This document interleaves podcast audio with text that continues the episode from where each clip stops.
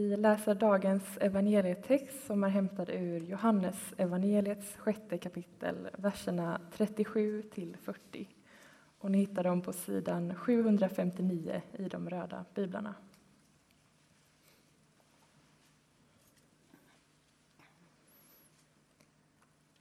Alla som Fadern ger mig skall komma till mig, och den som kommer till mig skall jag inte visa bort. Ty jag har inte kommit ner från himlen för att göra vad jag själv vill, utan för att göra hans vilja som har sänt mig. Och detta är hans vilja som har sänt mig, att jag inte ska låta någon gå förlorad av dem som han har gett mig, utan låta dem uppstå på den sista dagen. Ty detta är min faders vilja, att alla som ser Sonen och tror på honom skall ha evigt liv, och jag ska låta dem uppstå på den sista dagen. Så lyder det heliga evangeliet. Lovad vare du, Kristus.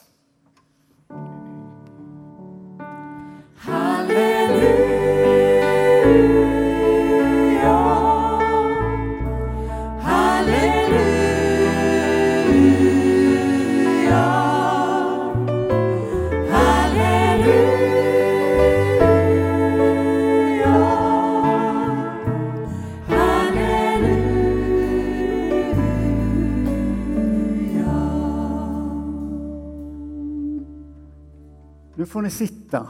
Vi kör mycket med er idag. Det är lite upp och ner, men så är det. Låt mig börja den här predikan idag med att ställa en fråga. Tycker du om förändring? Eller mår du allra bäst när saker är som det alltid har varit? Och när det nya knackar på dörren, välkomnar du det, då, det som kommer eller vill du helst av allt hålla fast vid det som är invant och det som är bekant? Här får vi nog konstatera att vi människor är lite olika kodade. Och det finns ju inget otvetydigt rätt eller fel, utan bara olika. En del av oss åker på camping, åker till samma camping om och om igen därför att det skapar en slags skön stabilitet. Vi känner igen oss och vi vet vad vi får. Det en, finns en viss förutsägbarhet i det medan andra vill bara upptäcka nya platser, vara med om nya saker och bangar inte alls för det här oförutsedda utan ser det som en viktig krydda i livet.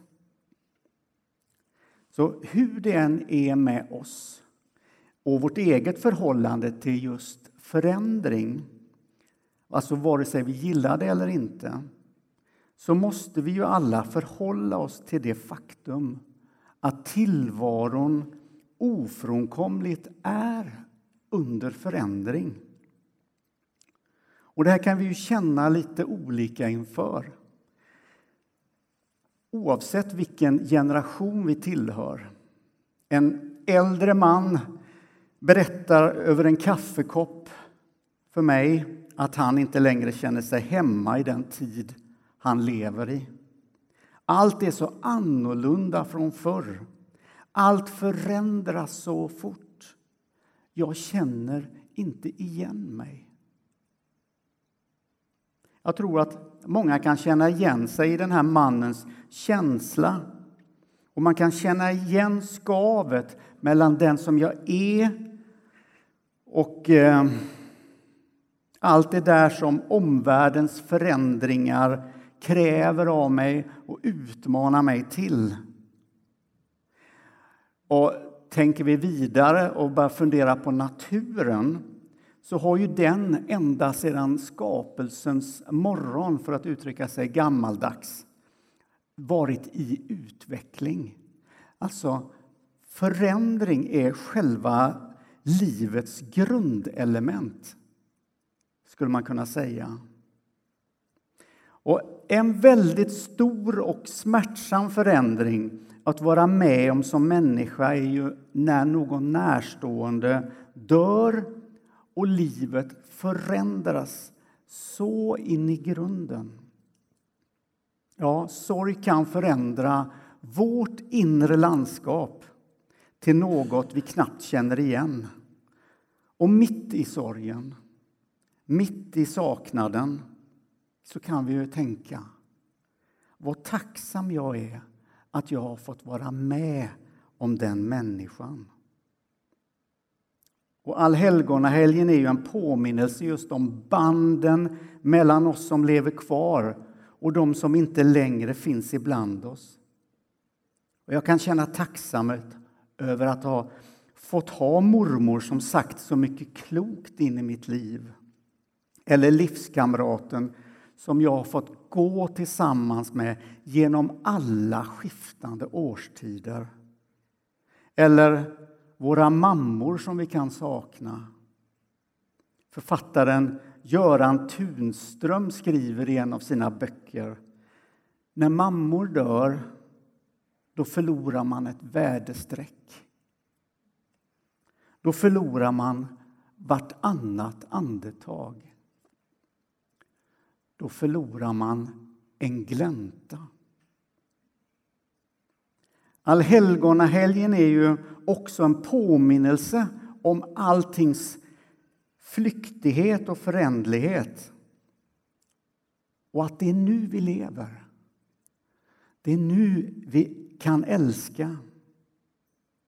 Och när vi tänder ljus på våra kyrkogårdar så får vi också innesluta det vi aldrig sa.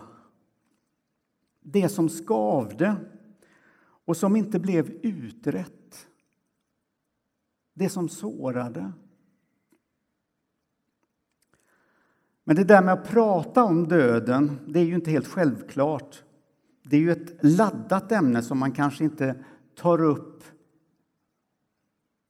hela tiden. Eller man tar ju inte upp det på en fest, till exempel. Jag tror inte att, jag tror inte att det lyfter känslan på festen, om man säger så. Men och så, vi kan känna oss rädda också för att tala om döden, för det kan väcka jobbiga känslor i oss. Men är döden till sitt väsen så oförutsägbart och slutgiltigt som vi, som vi människor ibland kan känna? Temat idag är ju vårt evighetshopp. Och det indikerar ju att det finns något annat att fästa vårt liv på än de egna oroliga tankarna och för, ibland förrädiska känslorna som vi kan ha inför den här okända förändringen som just döden innebär. Tänk om det finns ett hopp som kan bära även genom livets mer oförutsägbara passager, som döden till exempel. Tänk om det finns ett ljus som kan lysa upp vår blick så att vi för en stund kan se bortanför den egna horisonten och få lite hopp inför framtiden. Även om livets förutsättningar hela tiden är under omförhandling så bjuds vi in i en annan typ av hoppfullhet än vad det mänskliga tänkandet kan erbjuda. Alltså, vi söker var och en på olika sätt efter små pusselbitar som kan liksom bygga vårt hopp. Mitt i livets alla växlingar och förändringar, inklusive döden, så finns det en fast punkt som inte rör sig alls utan som är fullständigt stilla. Och det är Jesus Kristus själv. Tillvarons centrum. Han som sa Kom till mig, alla ni som är tyngda av bördor. Jag ska, ge, jag ska skänka er vila. Jesus är en konstant mitt i livets och dödens osäkerhet. Hos honom är det alltid ett ordnat lugn, för han har koll på helheten. Dåtiden, nutiden och framtiden. Och är det någon som kan hjälpa oss människor med vår ibland sviktande hoppfullhet så är det väl Jesus Kristus själv.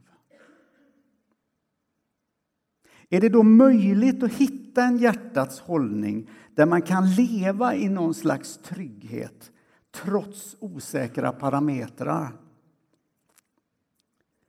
Vore inte det underbart om hoppfullheten ibland fick sista ordet i vår inre dialog med oss själva så att vi kunde sträcka på ryggarna och se lite längre. Ja, kanske till och med över dödens kulle och in i den eviga världen.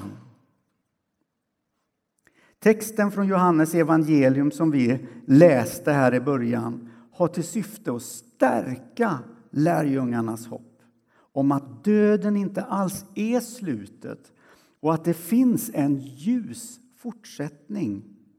De här fyra verserna som i dagens evangelietext handlar om är sprängfyllda av information från Jesus själv om vad som väntar. Och det är som om han klargör sin egen roll i det som har med dig och mig och evigheten att göra. Det är som om han försöker säga att han kommer vara mycket aktiv i sin uppgift att föra människor som du och jag in i det eviga livet med Gud. Den som kommer till mig ska jag inte visa bort, säger Jesus. Och här kan vi känna doften av den eviga gästfriheten. En Guds gästfrihet som vill varje människas människa det allra bästa. Och Jesus säger jag ska inte låta någon gå förlorad av dem som han har gett mig utan låta dem uppstå på den sista dagen. Ja, det finns skäl att vara hoppfull, även om det inte alltid är så lätt. Och jag talar här om en hoppfullhet som inte först och främst hämtar sin näring i det synliga, i den kollektiva fiden, så att säga, eller i alla livsstrategier som florerar i vår tid. Alltså tips och sätt hur vi ska liksom lyfta vårt, vår hoppfullhet och vår meningsfullhet och så vidare. Utan jag talar om någonting som hämtar sin näring i det osynliga, hos Jesus Kristus själv. Han som vill vårt eviga väl. För om vi bara lever våra liv och använder våra egna mänskliga resurser liksom för att veva igång vårt eget hopp så räcker det ofta inte hela vägen. Det är alltid någonting som fattas oss. Nej, då är det bättre att vända sig till Jesus Kristus och fästa blicken på honom. Jag är övertygad om att han kommer hjälpa oss när landskapet omkring oss förändras som det ofta gör. Och när vi, lever, när vi upplever oro så får vi påminna oss om att Jesus inte förändras. Det var en tröst för den här äldre mannen som jag drack kaffe med. Och det kan bli en tröst för oss. Att även om allting runt omkring mig är i rörelse kanske på ett obehagligt sätt. Och även om döden känns som en osäker parameter så vill Jesus Kristus vara konstanten i våra liv. Han förändras inte. Kanske du minns den texten att han är densamma igår och idag och i evighet. Men så är det också så att vi människor är ju samma skrot och korn allesammans. Ibland missar vi, ibland glömmer vi bort, Ibland rationaliserar vi bort kyrkans erfarenhet. Den djupa andliga erfarenheten från kyrkan att det är, lyssna nu, i den nära gemenskapen med Kristus som hoppfullhet inför livet och evigheten växer i våra liv. Bönen och stillheten är själva krukan som hoppfullheten växer i.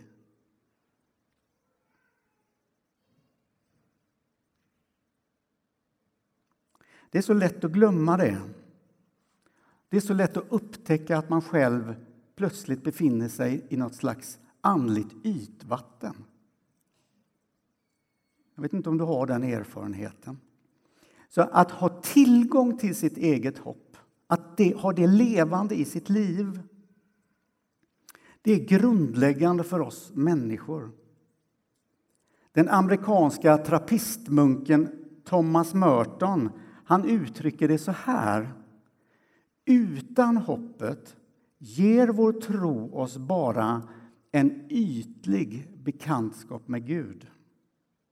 Utan hoppet ger vår tro oss bara en ytlig bekantskap med Gud.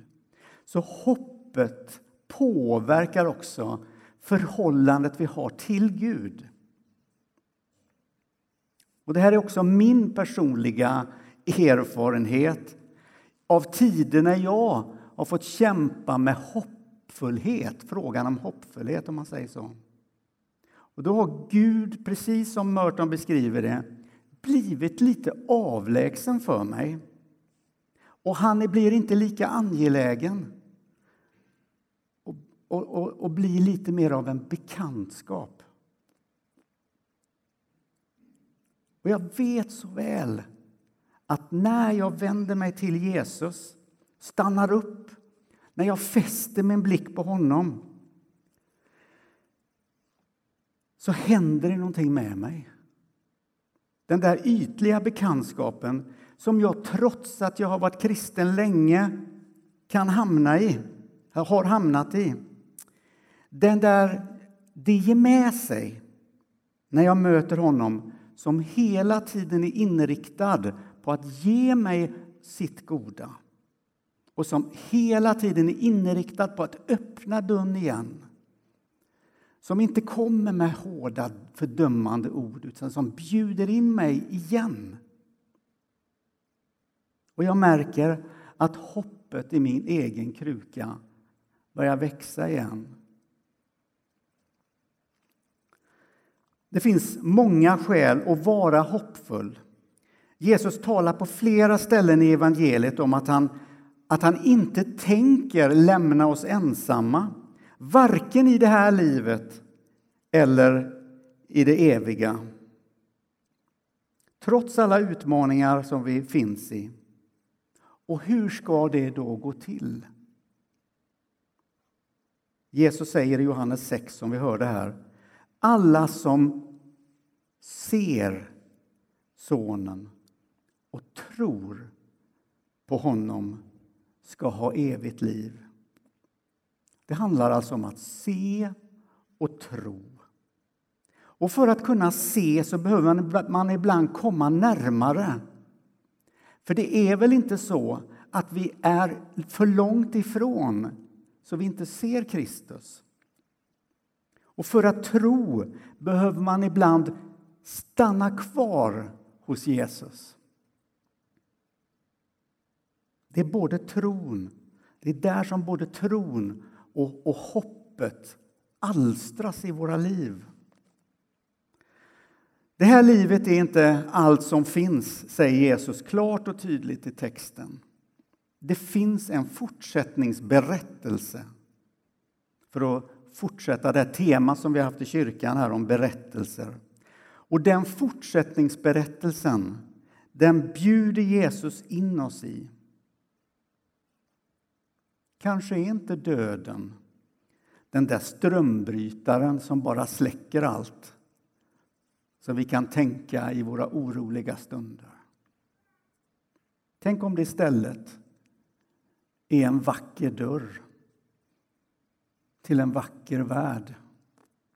Och när du knackar på den dörren och den öppnas då känner du i hela kroppen hur välkommen du är. Ditt hopp har burit dig hela vägen och du är äntligen hemma. Amen.